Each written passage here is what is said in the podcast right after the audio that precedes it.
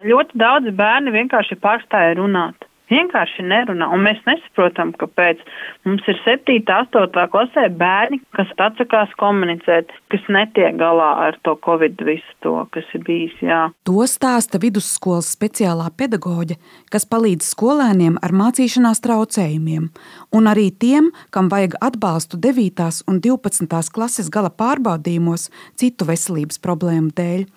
Vairākiem vecāki jau paspējuši nokārtot atbrīvojumus, taču tiem, kuriem tas nav izdarīts, no otrdienas kārtība būs stingrāka.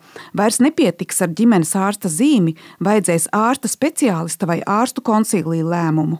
Skolotāja, kas vēlējās palikt anonīma, šonadēļ valsts izglītības satura centram gan zvanījusi citu iemeslu dēļ. Vienlaikus stingrāki kļuvuši noteikumi arī atbalsta pasākumu saņemšanai eksāmenos tiem bērniem, kas tomēr tos kārtos. Man bija saruna ar vienu māmu, kuras bērnam ir disgrāfija. Viņš nevar atcerēties un izskaidrot vienkāršas matemātiskas darbības. Gudrs zēns, bet viņš to nevar. Un tieši vakar man saruna ar mammu, kura negrib viņam kārtot uh, eksāmenu atvieglojumus, jo tad viņš netiek kadeta skolā, ja viņam ir atbrīvojums no eksāmeniem, ko izsniedz psihiatrs.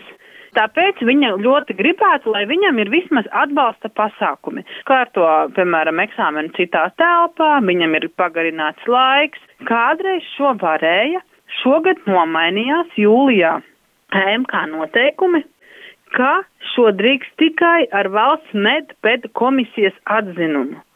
Valstī ir viena medicīniskā medpēta komisija, Un tātad tas nozīmē, ka visu Latviju 9. klašu skolniekiem ir jāpaspēj nokļūt šī komisijā. Valsts izglītības satura centra vispārējās izglītības pārbaudījuma nodaļas vadītājs Kaspars Špūle skaidro, ideja pastiprināt arī prasības par eksāmenu atbrīvojumiem, pieprasot ārsta, speciālista vai koncīlija atzinumu, radusies pēc tam, kad kāds no vecākiem sniedzis informāciju par skolu, kuru vairāk nekā puse skolēnu pagājušajā pavasarī saņēmuši atbrīvojumu no eksāmeniem. Te radās jautājums, vai tiešām visi skolēni ir jāatbrīvo no valsts pārbaudas darbiem.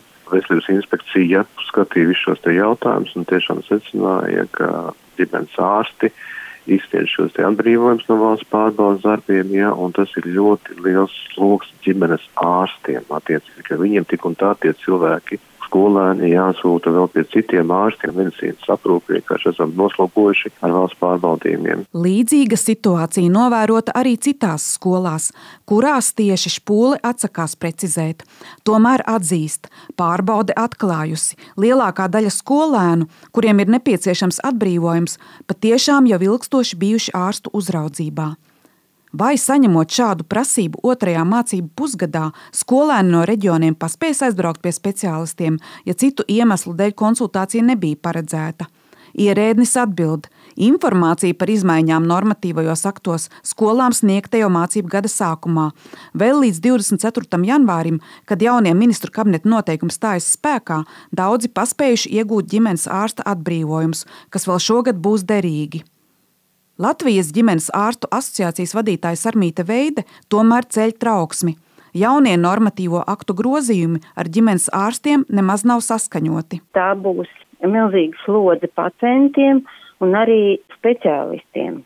Jo mēs jau šos pacientus, kas tiek atbrīvoti no eksāmena, jebkurā gadījumā viņiem ir smagas vai vidēji smagas chroniskas saslimšanas, un mēs viņus nosūtam vismaz pirmreizēji noteikti pie speciālista.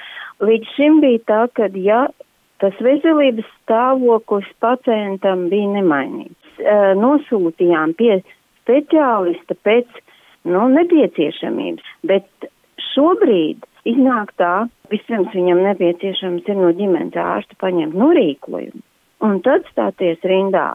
Un rindas, kā mēs zinām, pie speciālista ir divi, trīs, pat mēneši un vēl ilgāk. Arī ar pacientu atbalsta biedrībām noteikumu pastiprināšana nav diskutēta, stāsta Latvijas autisma apvienības vadītāja Līga Bērziņa. Un arī līdz šim tiem bērniem, kuriem tika dots atbrīvojums no eksāmeniem, es nedomāju, ka Latvijā ir daudz ģimenes ārsti, kas uzdrošinātos dot viņus vienpersonis. Parasti tur tomēr ir arī citu speciālistu atzinumi. Vienkārši mēs riskējam atkal nevis sakārtot problēmu pēc būtības, bet radīt vēl vienu nu, birokrātisku institūciju. Izglītības satura centra speciālists Kaspars Špūle tikmēr aicina izsvērt, vai atsacīšanās no valsts pārbaudas darbiem nāks par labu bērna tālāk izglītībai.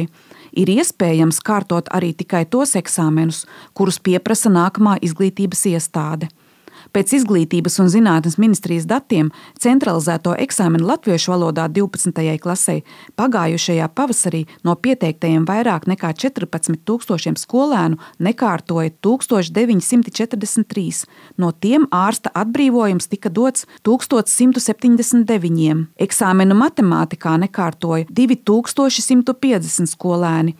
Atbrīvojums bija izsniegts 1324 bet aiz katra šī skaitļa ir stāsts.